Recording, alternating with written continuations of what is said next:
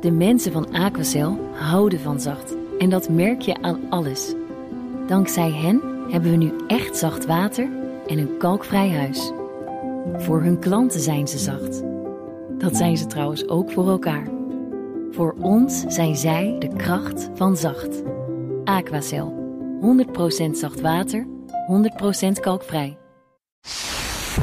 Dus dit is een mooi onderzoek waarbij ze in 750 patiënten hadden gekeken. En daar bleken er 400 COVID-positief te zijn. En dan zien ze dus die kleine verschillen in volume van de hersenen. Hallo, ik ben Kees Dorrestein. En ik ben Diederik Gommers. Ja, bekend IC-arts en OMT-lid. En in deze podcast beantwoordt hij jouw coronavragen. Stuur je vragen naar me op via WhatsApp 06 8370 9229, via de mail gommers.bnr.nl of via Instagram BNR Nieuwsradio.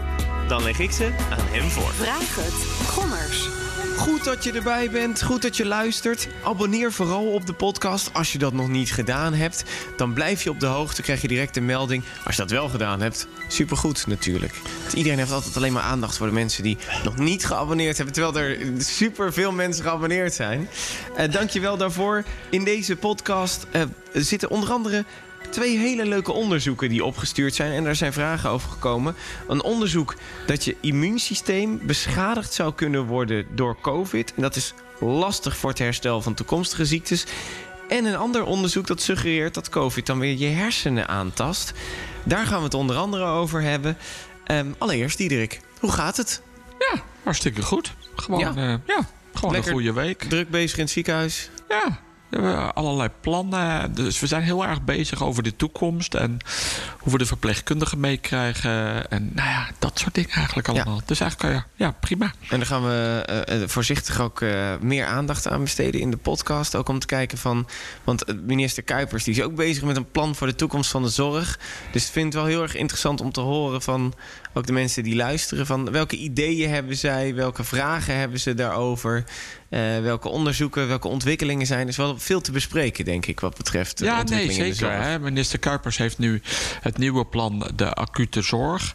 Uh, nou, dat gaat niet alleen over de IC, maar ook over de eerste hulp. En mm -hmm. samen, hoe, hoe regel je die opvang eigenlijk op de eerste hulp? En hoe betrek je daar de huisartsen bij en andere instanties? Ja. En ook omdat dat in de grote steden is het natuurlijk heel lastig om de diensten op te vullen. Je komt gewoon mensen tekort, huisartsen tekort.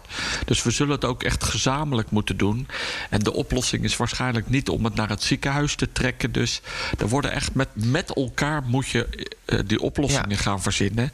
Ja, en, en de onderliggende vraag blijft: waar halen we mensen vandaan? Ja. Goede huisartsen, maar ook goede verpleegkundigen. Ook in de thuiszorg, uh, in de verpleeghuizen.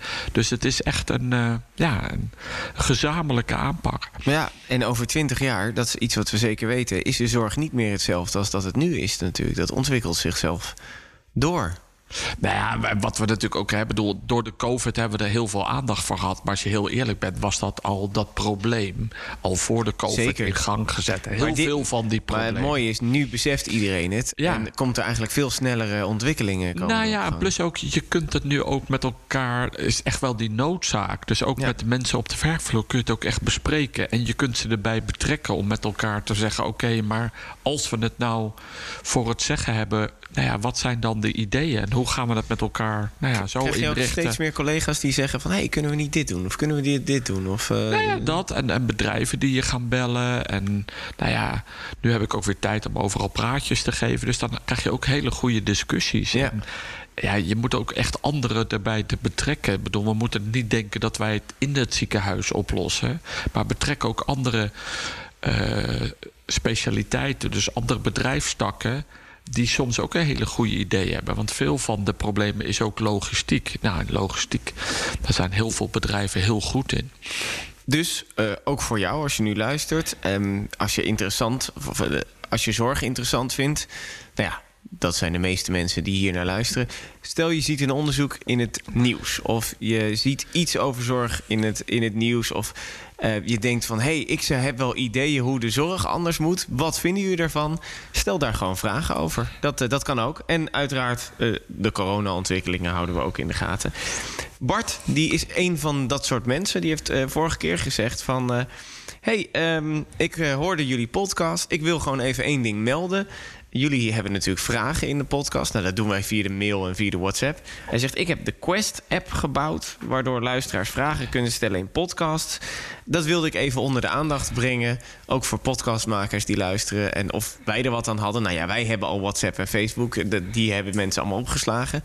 Dus voor ons komt hij iets te laat. Maar voor nieuwe podcastmakers kan het zomaar eens wat zijn. Dus we zoeken het op. Zou ik zeggen, ik vond het sympathiek dat hij een berichtje stuurde. Dus bij deze is uh, deze uh, wat is het, uh, hoe noem je dat altijd? Zo'n huismededeling van het huis of zo eventjes gedaan. Um, de allereerste vraag dan van Danielle. En zij zegt: Ik heb alopecia. Dat is eigenlijk een ziekte waardoor ik weinig tot geen haar krijg. Na het krijgen van mijn tweede prik van Pfizer kreeg ik in de eerste week voor mijn doen in één keer heel veel haar dat er toch weer opkwam. Nu is me verteld dat dit door de immuunrespons komt en dat daardoor mijn lichaam eventjes eh, wat meer actiever was. Bij mijn eerste prik en ook bij mijn boosterprik was het alleen niet zo dat er haar begon te groeien of dat het sneller begon te groeien. Uh, zou het dan kunnen zijn dat daarbij de immuunrespons kleiner is geweest? Ja, uh, nou, best een lastige vraag. Want hè, die alopecia, dat is echt een, een afwijking van je afweersysteem. Lijkt een beetje op een auto-immuunziekte. Waarbij dan die haar follicels, hè, dus daar waar dat haarzakje in zit, dat, vaatjes, wordt, ja. ja. dat wordt dan afgestoten. Dus jouw eigen afweer ziet dat als vreemd, zoals dat ook het virus gelukkig als vreemd ziet, en gaat het dan aanvallen. En daardoor verliezen die mensen, vaak is het tijdelijk, maar bij sommige mensen, en zij beschrijft ook dat ze het heel groot, want meestal zijn het uh, ovaalvormige happen uit je hoofdhaar bijvoorbeeld. Ah. Um, en dat komt dan wel weer terug. Maar het heeft dus wel iets te maken met je afweer. En, en ik heb zitten zoeken in de literatuur. Ja, dan staat er dat er in drie gevallen is haaruitval beschreven na een mRNA-vaccinatie. nou, dat is niks. Hè, Dat is mhm. bijzonder weinig. Yeah. Maar Danielle beschrijft vooral het andere, het ja, tegenovergestelde. Het groeit weer beter. Ja, ja nou, daar kon ik niks over vinden, maar dan moet je het eigenlijk beredeneren. Dus dan zeg je: oké, nou als dan je haar ineens gaat groeien, betekent dan dat jouw afweer dan ineens met iets anders bezig is dan het afstoten van jouw haarfollicels. Ja. En dat zou me kunnen zeggen dat op het moment dat je hè, dat in haar geval enkel bij die tweede prik, dat haar afweer dan ineens nou ja, dat daarmee bezig is en minder bij de eerste of bij de booster. Ja. Maar eigenlijk is dat ook geen. Ja. ja, maar ze zegt wel bij mij is verteld. Dat kan misschien door haar specialisten zijn. Dat die zeggen, nou, dat kan door de immuunrespons. Nou ja, dat, het, het, zal dus zeker een afweer zijn met de immuunrespons. Maar ik kan niet zo goed verklaren waarom het dan specifiek voor de tweede respons was. Nee, is het en, niet zo? En niet bij de eerste en bij de booster. En, en ja, bedoel. Verder dan dat het met je afweer te maken heeft. En dat die afweer misschien heel erg bezig was met haar tweede prik. Ik dus verder kom ik eigenlijk niet zo. Dus, nee, maar het grappige is wel, kijk, bij de eerste prik maak je vooral, weet je, wat kortere termijn antistoffen. Daar moet je een tweede prik hebben om het een soort van een, een, een, een boost te geven. Dus wat dat betreft snap ik het. Maar bij die derde prik zou dat gewoon weer een boost moeten geven. Dus dat is dan wat gekker dat dat bij die derde prik dan niet is gebeurd omdat je daar eigenlijk dezelfde soort reactie zou moeten krijgen als de tweede. Nou ja, kijk, en het lichaam is ook gewoon complex. En wat ja. we al vaker, de afweer is heel complex. Mhm. En wat je natuurlijk, als je dit soort dingen heel nauwkeurig moet gaan volgen, heeft je stiekem toch niet ergens nog een infectie gehad.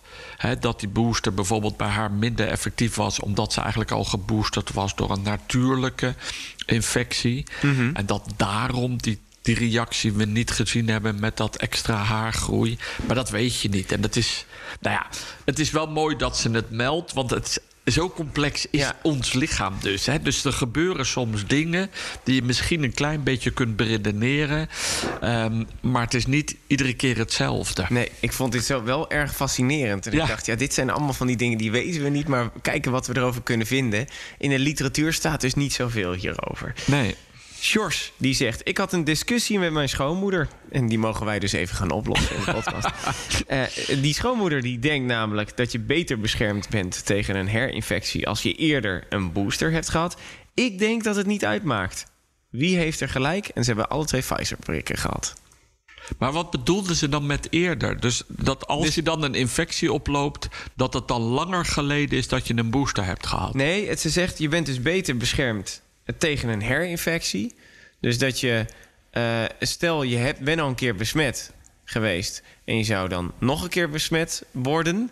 Dus zij, ehm, eh, zij hebben alle twee prikken gehad. En, en dus blijkbaar ook een coronabesmetting. Maar die schoonmoeder heeft dus nog een booster gehad. En die zegt, nu ben ik beter beschermd dan dat jij beschermd bent. En hij is alleen, En hij heeft... eh, hij alleen heeft- volledig gevaccineerd. En een infectie dus. En een infectie na de volledige vaccinatie. Ja, want daarom is het een herinfectie. Dus Ja. dan heb je het nog een keer. Dus de tweede keer Oeh, besmet. Oeh, oeh. Ja. Ik denk toch dat eh, de jongeman gelijk heeft. Want eh, dat is een beetje wat we zien. Dat die natuurlijke infectie... die geeft een iets betere bescherming... na je volledige vaccinatie. En Mhm. dat kan ook eigenlijk... Hè, dus je hebt dan iets bredere antistoffen... wat we vorige keer in de vorige podcast over gehad hebben. Hè. De- je maakt dan antistoffen tegen verschillende eiwitten van het virus. Niet alleen tegen het spike-eiwit. En in het vaccin... en dus in de boostervaccin, de mRNA... dan maak je een antistof tegen een heel specifiek... ja, de S-eiwit, het spike-eiwit. Ja. En, en ja, natuurlijk hangt het natuurlijk weer van het lichaam af en, en eh, de activiteit eh, van jouw afweer. Maar in het algemeen zou je kunnen zeggen dat volledige vaccinatie met daarna, daarna een natuurlijke infectie geeft een iets ietsie betere afweer Maar- dan alleen een booster. Maar die schoonmoeder die heeft dus een volledige vaccinatie, een infectie en daarna nog een booster. Oh, zo. Oh, dan heb ik het weer mis. nee, maar of je de booster. Ja, hoe meer. Eigenlijk is de natuurlijke infectie ook een booster. Dus zij heeft eigenlijk vier keer een, een prik of contact gehad met het eiwit en daarom antistoffen gemaakt. Ehm, zij zal dus echt wel maximaal in haar antistoffen zitten. Ja. Ehm, de andere is natuurlijk wel jonger. Mhm. En die, als die volledig gevaccineerd is en die infectie, zal hij ook wel goed in zijn antistoffen zitten. Dus om nou te zeggen, het een. Ja, ja, kijk, als je meer booster hebt gehad, zeggen we natuurlijk theoretisch. Ook al is de ene een natuurlijke infectie, dan heb je nog meer antistoffen. Mhm. Maar volledig gevaccineerd en daarna hopelijk de Omicron. ehm, ja, dan zit je ook wel goed in je afweer. Dus Ja. het is een beetje een theoretische discussie. Precies. Want eigenlijk zitten ze allebei geweldig in hun afweer. Ja, uiteindelijk is het, je zit vaak beter in je afweer op het moment dat je vaker ermee in contact bent gekomen. Maar stel zij is 70 of zij is 80, ja, dan ben je wat ouder. Dus dan werkt je afweer eh, vaak ook iets Ietsje minder. minder. Dus dan kan het zijn dat dat weer allemaal gelijk staat. Dus Ja. ja, we kunnen er geen precieze klap op geven. Maar ik hoop dat je met deze informatie iets kan. En als de discussie heftig is, dat je het een beetje in je voordeel kan spinnen. Maar ik denk dat het 50-50 is wat dit betreft. Eh, Sahim dan, die zegt... Ha, heren, ik las een onderzoek eh, gedaan... en die werd ook gepubliceerd in Nature, in dat blad. Dat onderzoek zegt dat je immuunsysteem door COVID beschadigd wordt... waardoor je minder goed herstelt van toekomstige ziektes. Hoe zit dat? Nou, het was een lastig artikel. Voor jou ook? Je, Nou, je, je, je wow, leeft ja. voor onderzoeken. Ja, maar dit is wel echt een heel specifiek artikel voor mensen die helemaal eh, nou ja, experts zijn in T-cellen. En, Mhm. en dat, dus echt wel van de virologie en dan het laboratorium in. Mhm. Want dit waren vooral laboratoriumonderzoeken. Maar wat ze aantonen is dat er viruspartikeltjes, dus eiwitten, dan wel RNA, hebben ze gevonden in die T-cellen, die geheugencellen, die cellulaire afweer. Eh, en dan beschrijven ze ook dat als je daar virusdeeltjes in zit, dat sommige van die T-cellen ehm, eigenlijk afsterven. Dus Dus je vindt dan uiteindelijk minder T-cellen. En, dat, en dat als dat aantal T-cellen heel laag is, dan noem je dat lymphopenia. En die penia staat dan op laag aantal T-lymfocyten.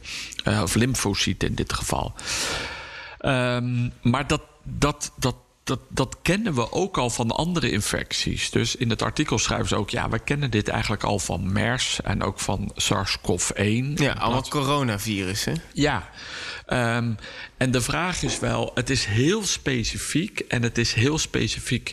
Uh, hè, ze hebben het in het laboratorium bepaald... maar ze hebben ook gekeken in bloed van patiënten... die uh, COVID-19 hadden.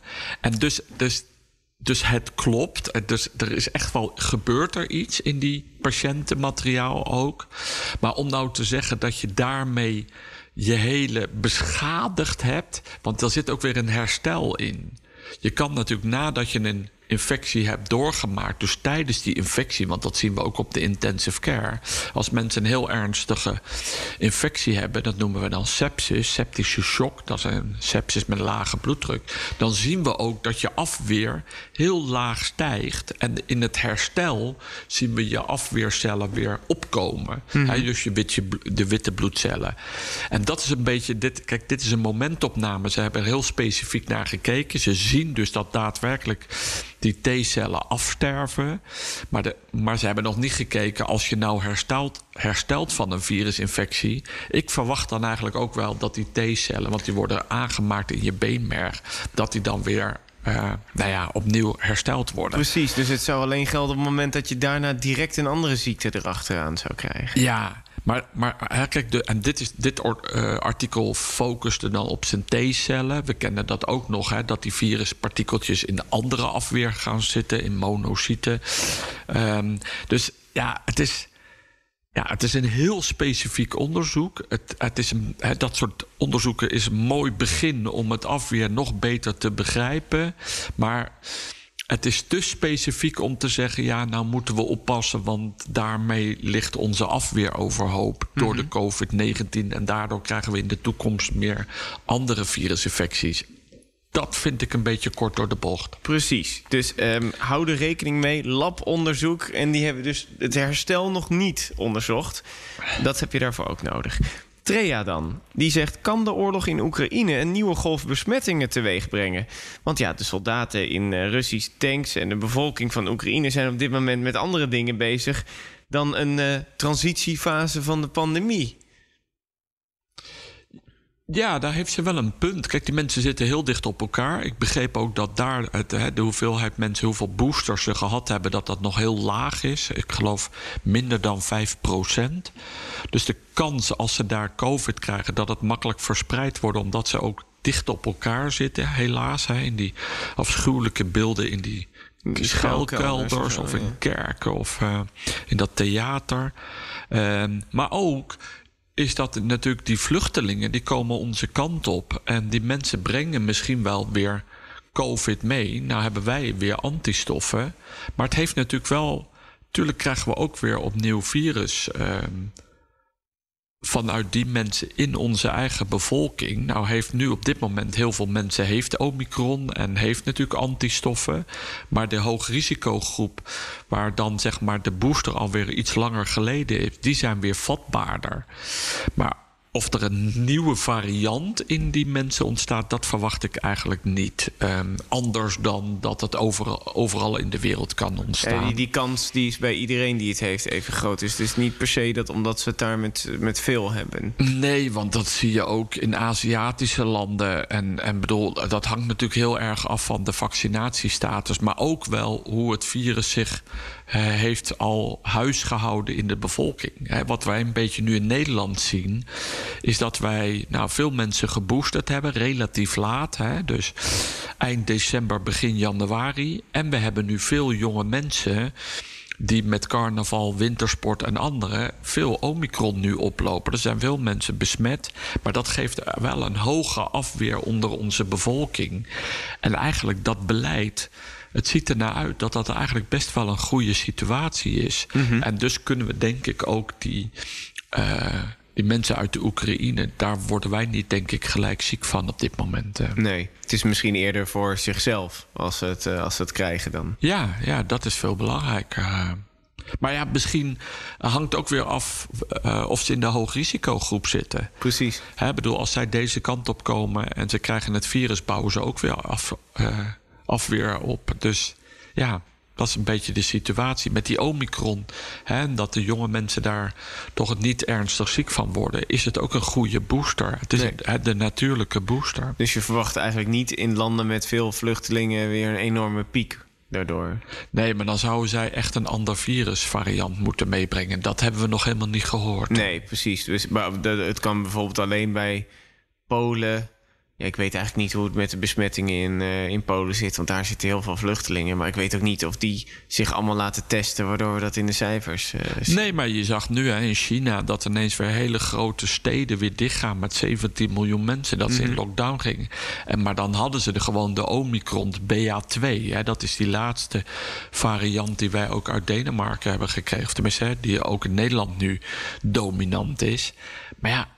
Daar gingen ze nu ineens helemaal in paniek. En bij ons is met die Omicron BA2, er is helemaal geen paniek. Wij gaan juist versoepelen. Ja. Dus het is toch echt wel. Maar alhoewel, we hebben natuurlijk wel ook een flinke tijd nog even in lockdown gezeten. Jawel, maar dit is wel een ander beleid. Kijk, het, in China hebben ze gezegd: oké, wij willen gewoon geen virus. En op het moment dat we besmetting hebben, dan gaan we het land gelijk opzetten. We hebben zero tolerance. Maar daardoor is het in Hongkong zo enorm ja, eh, dus, de, dus, gegaan. dus nu hebben, eerst waren we heel trots op China. Nu zeg je van oké, maar nu na twee jaar en het beleid wat we nu doen, ehm, is misschien wel een goede keuze. Ja, ja, trots op. In ieder geval, daar zag je op één punt na de eerste golf dat ze het goed onder controle wisten Ja. te krijgen. Maar ja, daardoor. Dat deden ze wel met hele strenge regels. eh, natuurlijk, echt met controles. Jawel, maar ze en konden wel sneller versoepelen. Hun Ja. bedrijfsleven was toen sneller open. Dat is wel zo, ja. De bedrijven die hebben daar eh, zeker van kunnen profiteren. Ehm, Floor, die zegt... Mijn dochter, die heeft in maart... Die dochter is 15. In maart 2020 COVID gehad. Niet erg ziek geweest. Maar helaas wel forse long-COVID-klachten gekregen... waar ze nu nog dagelijks mee te maken heeft. Dus al twee jaar lang. Nu heb ik gehoord dat er positieve ervaringen zijn... bij mensen die antihistaminepillen slikken. Weten jullie hier meer van? En welke dosis moet je dan bijvoorbeeld hebben? En mag ik het haar geven? Ja, het zijn echt schrijnende gevallen van mensen die nu al twee jaar lang zulke ernstige klachten hebben. Hè? Dus vermoeidheid, niet, maar ook concentratieverlies. Mensen die echt moeten stoppen met hun studie of middelbare school, omdat ze, als, ondanks dat ze zo jong zijn, dat het gewoon niet gaat. En het lastige is met die long COVID is dat we niet onze vinger op de zere plek kunnen leggen. We komen niet goed verder. Wat is er nou aan de hand en wat speelt er nu? En daar zijn natuurlijk, als je kijkt naar het ziektebeeld COVID, hebben we natuurlijk ook gezegd: ja, waarom komt de ene patiënt wel op de intensive care en de ander niet? En dat heeft iets te maken met die hyperinflammatie, hè, die overreactie van je Daarom geven in de ziekenhuizen ook middelen, hè, die steroïden waar we het vaak over gehad hebben, of een IL-6-blokker, tocilizumab, om die overreactie van die inflammatie, om die te remmen. En nu bij die long-covid, en dan gaan ze het nu over antihistaminica, ja, dat is eigenlijk een middel om je mestcellen Hè, dat zie je bij astma en bij overgevoeligheid. Dat die, geven, die kunnen zeg maar al die stofjes die erin zitten, krijg je release. En daar kun je antihistaminica pillen voor nemen. Maar is, is nu echt de relatie gelegd met histamine en COVID? Ja, daar ben ik op gaan zoeken. En dan zijn er een paar patiënten die een hoge spiegel hebben van histamine eh, in de long COVID. Dat zou je eigenlijk willen weten als dokter. Of uh, haar dochter van 15 ook hoog zit in de histamine. Uh, want dan zou het logisch zijn om antihistaminica te geven. Hè, om je hoeveelheid histamine release te remmen. Dus dat zou, kan je dat testen?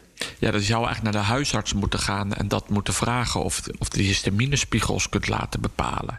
Maar je ziet ook gewoon dat allerlei mensen en allerlei platformen die, die, beschrijven gewoon dat sommige mensen gewoon begonnen zijn omdat ze gehoord hebben dat die antihistaminica helpt. En dan zie je ook positieve reacties. Maar wat je nu een beetje ziet is, omdat we het niet weten en omdat je helemaal wanhopig wordt, is dat alles geprobeerd wordt. En dat is natuurlijk ook goed. Ehm, en ik denk ook dat, het, dat je het, nou ja, als er misschien iemand iets vindt dat het anderen kan helpen, dat het hartstikke goed is. Maar ik kan niet aan haar zeggen: je moet antihistaminica gaan nemen bij een 15-jarige. En dit is de dosering. Ik vind dat toch te lastig om dat algemeen in een podcast te gaan zetten. Dus ik, ja. ik zou. Maar waarschijnlijk is al bij de huisarts geweest en die weet het ook niet. En die weet ook niet wat hij moet doen. er zijn nu uh, websites van de overheid, hè, van long COVID. Mm en daar moet je denk ik eigenlijk naartoe. Je moet naar lotgenoten. Ehm, en we moeten. Ja, de longartsen die zijn daar natuurlijk volop mee bezig. Um, maar ja, er wordt nu echt wel onderzoek gedaan om te kijken of we die hyperinflammatie, dus die mm hyperafweer, of we die kunnen remmen met middelen. Maar wat dan het beste middel is, ja, helaas lastig. Ja, maar... er, is, er is nog gewoon geen conclusie over. Nee, maar het, maar het is zo frustrerend voor die mensen. En zijn hier al onderzoeken over gedaan? Over dan het toedienen van. Nee, kijk, er is geen grote literatuur dat die zegt van uh, in zoveel procent van de mensen, en vooral de jonge mensen met long-covid, is histamine te hoog. Mhm. en, uh, en er is geen gerandomiseerde studie, zoals we dat dan mooi zeggen, hè, dat je histamine en een placebo, dus een nepmedicijn, gegeven hebt. En dan zag dat er in de histaminegroep een beter resultaat was. Ja. Dus er is geen wetenschappelijk bewijs. Maar wat je dus ziet, is dat mensen dan ja, allerlei ja, huistuin- en keukenmiddelen gaan gebruiken. Maar er zijn echt websites die beschrijven, en ook vanuit Engeland. En Engeland doen ze best wel veel onderzoek naar long COVID. Dat je zelf een dieet kunt nemen met minder histamine erin. Ja, dus ja, het is gewoon ik, ik kan me echt voorstellen als je zo wanhopig bent dat je denkt: ik probeer alles. Ehm, maar er is geen wetenschappelijk bewijs. Nee, en dan kan je ook iets niet uh, voorschrijven. Dus uh, nee. nee, het is, uh, er, is, ja, er is nog geen echt doorbraakonderzoek geweest hè, wat betreft long-COVID. Nee. Nee. Adinda dan, die zegt: Moeten onze twee dochters van 6 en 7 gevaccineerd worden?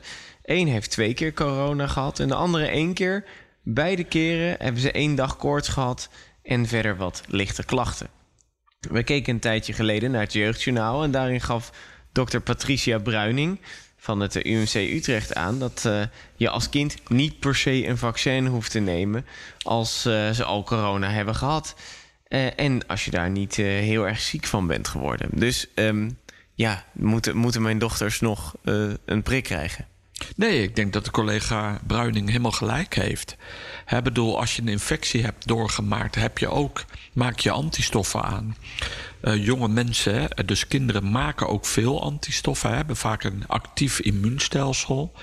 Um, en als er dus geen medische reden is om die kinderen anders te beschermen dan wel de ouders. Hè. Soms kan het zijn dat een moeder of vader een bepaalde ziekte heeft.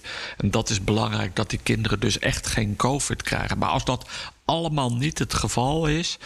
Ja, dan zou ik, ben ik het met collega eens. Dan is gewoon een doorgemaakte infectie, of dat nou twee keer of één keer is, is voldoende om voldoende antistoffen te hebben tegen COVID. Precies, en die kinderen zijn jong, dus dat, ja, ja die, komen heel veel nog in contact met het virus. En waarschijnlijk is dat al gebeurd. Mm -hmm. uh, niet nodig dus. Hugo dan. Die zegt, nu is alles losgelaten na twee jaar. Maar is dat wel zo'n goede beslissing? Of doen we alles nu niet een beetje overhaast?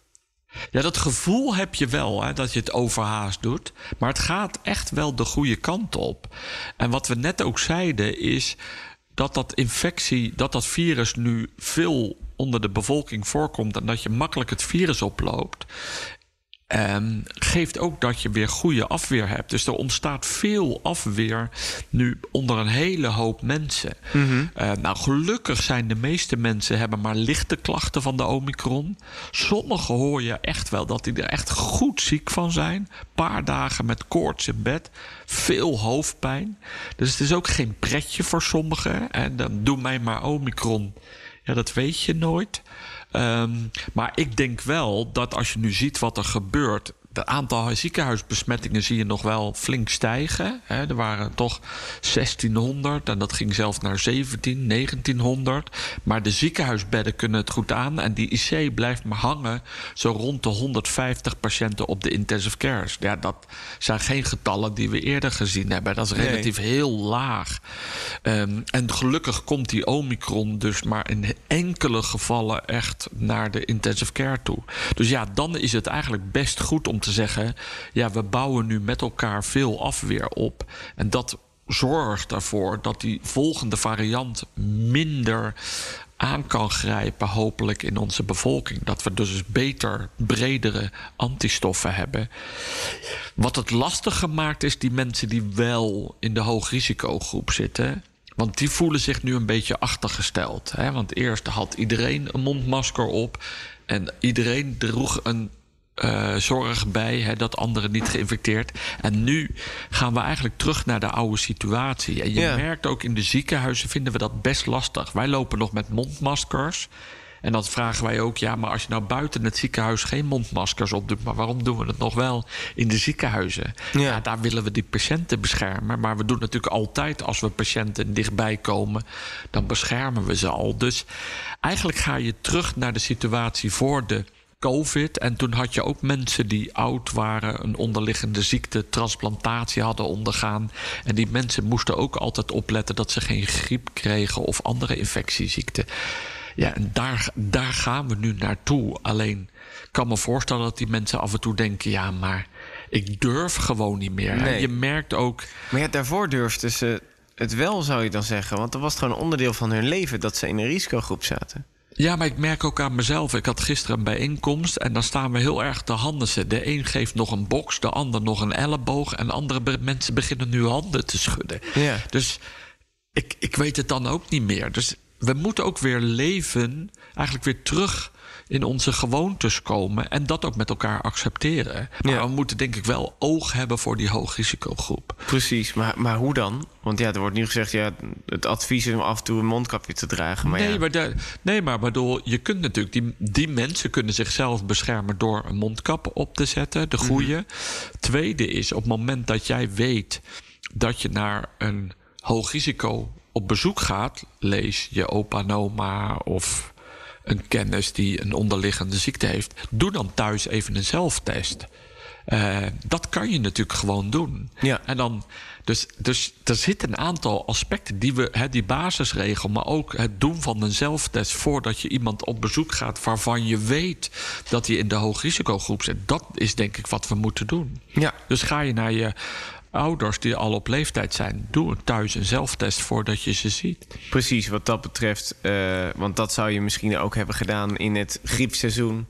Uh, gewoon voor corona. Nou dan deden we geen zelftesten. Maar sommige mensen lieten zich toch uh, vaccineren. Nou, het is toch een beetje anders, vind ik. Ik vind nu gewoon, als je weet van... oké, mijn ouders lopen risico. Tot nu toe is het gelukkig nog goed gegaan. En jij hebt gewoon, omdat je je niet meer aan de maatregelen hoeft te houden... heb je gewoon een groter risico. Dus ja, ga je komend weekend naar je ouders toe. Doe dan een zelftest voordat je gaat. Ja, en voor de rest gewoon de regels vrij. Ja. Ja. Dat, want het gaat ook gewoon goed, wat dat betreft. Het gaat eigenlijk beter dan ooit. Ja, maar, maar, maar je ziet, ja, het gaat beter dan ooit. Um, ja, de IC's lopen niet vol, dus mensen worden gelukkig niet ernstig ziek. Ik vind dat het aantal patiënten wat op de ziekenhuisbedden komt nog best, best heftig. Dus, en er zijn ook mensen die echt wel klachten hebben. Dus het gaat gelukkig goed. En daardoor kunnen we het ook loslaten. Dus dat vind ik goed. En we bouwen ook veel afweer op. Maar pas op dat je. Het, het schiet ook heel snel. Uh, in het idee van het is over, het stelt niks meer voor. En dat is niet. Hè. Dat is, het is en-en. Dus het is fijn dat we kunnen versoepelen. En het is fijn dat het voor heel veel jonge mensen uh, en mensen die niet uh, onderliggend lijden hebben, dat ze hun vrijheid terug hebben en dat al die bedrijven weer open kunnen en dat we naar concerten gaan. Mm -hmm. Maar voor een aantal hoogrisicogroepen, die mensen moeten echt blijven opleggen. Het virus is niet weg. Nee. Uh, tot slot de vraag van Annelies. En Sahim die had eigenlijk ook dezelfde vraag, want dat onderzoek had hij ook doorgestuurd. Uh, Annelies stuurt: Hallo Kees en Diederik. In het eh, eh, NRC las ik vorige week eh, een artikel over hersenschade na corona. Ik vond het schokkend. Zelfs bij milde coronaklachten, 0,2 tot 2 procent van de mensen hersenschade. Mijn conclusie na het lezen van het artikel: bij niet jonge mensen gaan door één coronabesmetting je hersenen evenveel achteruit als door 1 à 10 jaar van je leven. Door gewoon te leven gaan natuurlijk ook je hersencapaciteit wat achteruit. Klopt mijn conclusie en moet dit niet groots bekend worden? Want dit is wel heel serieus. En uiteraard het onderzoek van Nature meegestuurd. Ja, nou, ook dit is weer een lastig artikel. Maar wat het heel mooi is in dit artikel is, is die, die mensen deden mee aan een groot bevolkingsonderzoek. En die hadden dus drie jaar geleden, hadden ze voor dat onderzoek, hadden ze allerlei bloed ingeleverd. En dat noem je soort biobank dan. Uh, kan je al die gegevens opslaan. En ze hadden ook een CT-scans gemaakt van de hersenen. Nou, één groot voordeel. Wij als mens hebben heel veel hersenen. En ook een groot volume. Dus we hebben ook heel veel reserve hersenen. Dus en dat maakt ons ook mens en dat maakt het ook verschillend met het dierenrijk. En daar zie je ook vaak aan het volume van de hersenen of het dier wel of minder slim is. Um, dus dit is een mooi onderzoek waarbij ze dus um, in 750 patiënten hadden gekeken. En daar bleken er 400, ruim 400 COVID positief te zijn. Mm -hmm. En toen hebben ze die CT-scan herhaald. Dus er zat ongeveer drie jaar tussen. En dat hebben ze vergeleken met een controlegroep die geen COVID had of had gehad.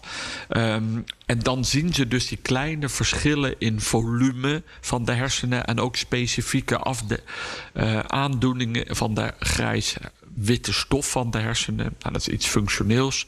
Uh, in een bepaald gebied van de hersenen, het limbic systeem, mm -hmm. limbische systeem. Nou, lang verhaal kort te maken. Het is 0,2 tot 2 procent afname van het volume. Ja. Dus je hebt iets hersenverval. Oh, ik zei maar, inderdaad hersenschade bij de mensen, maar dat is dus afname van het volume. Ja, maar dat is dan een maat. Maar je ziet bij oudere mensen um, ook sowieso een afname van het hersenvolume. En dat is ook gelukkig, want als oude mensen vallen en ze krijgen een bloeding, hebben ze altijd meer ruimte. Maar dat wil niet gelijk zeggen dat je echt dat je die hersenschade die je zo natuurlijk oploopt, of in dit geval van een infectie, of dat ook daadwerkelijk tot functionele schade leidt. Kun je -hmm. zeggen, ja. Maar mensen die ouder worden hebben toch geheugenverlies en doen over dingen langzamer. Ja. Nou, dat zou kunnen zijn. Um, maar die onderzoekers zeggen ook van ja, we hebben nu iets toevallig kunnen aantonen. Het, het nodigt uit om meer onderzoek te doen. Maar of dit nou echt consequenties heeft of dat het echt invloed op ons uh, functioneren heeft, ja, dat is te vroeg. Maar het is wel indrukwekkend wat ze aantonen. Dus ja, ook dit weer nodigt uit voor verder onderzoek. Ja. Maar ik zou me geen ongerust maken over jongens, jongens, nu heb ik een virusinfectie nee. opgelopen en nu heb ik hersenschade. Want blijkbaar bij elk, dat zou goed kunnen dat het ook bij andere infecties gebeurt. En, en dat uh, hoort misschien ook wel bij het verouderingsproces. Ja. En wie maar ja, weet je wil gaan niet, we hier meer onderzoek naar Je doen. wil niet dat, dat mensen van 30 of 40 die, die corona hebben gehad, dat, dat die, die die krimp al hebben, die eigenlijk later pas hoort te krijgen. Nee, maar dit was ook echt wel een groep, als ik het goed zeg, ergens tussen de 40 en de 80. Dat hadden ze onderzocht. Um, en dan waren er maar een 15 patiënten van die ruim 400 die echt ernstig ziek geworden waren en dat ze in het ziekenhuis terechtkwamen met COVID. En daar zagen ze zelfs misschien dat de afname of de schade aan de hersenen iets meer was dan in de groep die maar licht COVID-klachten had gehad. Maar die groep is dan weer van 15 is weer te klein om daar echt conclusies uit te trekken. Dus mm -hmm. dit soort studies zijn hele mooie beginstudies om eigenlijk verder onderzoek naar te doen. Ja. En dan moet je eigenlijk weer dieper ook in dat je echt functioneel onderzoek gaat doen met andere technieken, zoals de MRI, functionele MRI of functionele CT-scans. Dat je ook ziet of die metabolisme, dus die functie van die hersencellen, daadwerkelijk minder wordt. Dus niet alleen het volume, maar ook echt functioneel. En misschien moet je dan ook proefjes doen. Hè? Uh, intelligentie testen of puzzelen. Ja, je zouden of- eigenlijk vooraf en eh, na die twee jaar een soort van intelligentietest moeten Ja, doen je, bij moet, die je moet het onderzoeken. Kijk, wij, wij hebben soms helaas op de intensive care soms mensen met aandoeningen, een hersenbloeding of een trauma. En dan maak je die CT-scans. En dan zeggen wij altijd: ja, je moet niet naar de scan kijken. Je moet vooral kijken wat kan iemand functioneel nog. Daar gaat het uiteindelijk om. Ja. En, en soms is het, ben je echt verbaasd dat je ziet hoeveel afwijkingen op de scan ziet. En dat soms mensen door, nou ja, moeten ze vaak wel heel veel actief revalideren. Maar dat, dat je toch heel veel herstel kunt krijgen. Dus- en daar gaat het Het uiteindelijk kan ook nog zo zijn dat het, als het een beetje krimpt, dat het daar dan weer een beetje uitzet of zo. Nee, maar dat je, dat je andere cellen die nog functioneel zijn, dat je die daarbij gebruikt. Je Ah, hebt, die vangen dat het op. Eigenlijk, je hebt heel veel reserve hersencellen. En die Eh, kunnen die functies en, ook En die uitvoeren. kunnen soms die Ah. functies overnemen. En dat is dan ook wel veel, heeft wel veel te maken met training. Oké, nou, verder onderzoek, dat is nodig. Eh, bij deze was dat de laatste vraag van deze aflevering. Heb je zelf een vraag? Stuur hem op, hè. Vergeet het niet, gommers.bnr.nl of stuur een persoonlijk WhatsAppje naar mij. Naar het eh, Vraag het Gommers WhatsApp-nummer staat gewoon op mijn telefoon, dus krijg je van mij een reactie. En eh, dat mag dus alles zijn. Gewoon een vraag over corona, maar ook een vraag over andere medische zaken of nieuwe ontwikkelingen in de medische wereld, innovaties. Eh, stuur het allemaal door als je denkt: hey, dit is me opgevallen. Wat vindt Diederik daarvan? En dan gaat hij er naar kijken en ook naar onderzoeken die erover zijn. Diederik, dankjewel hè. Ja, graag gedaan en tot volgende week.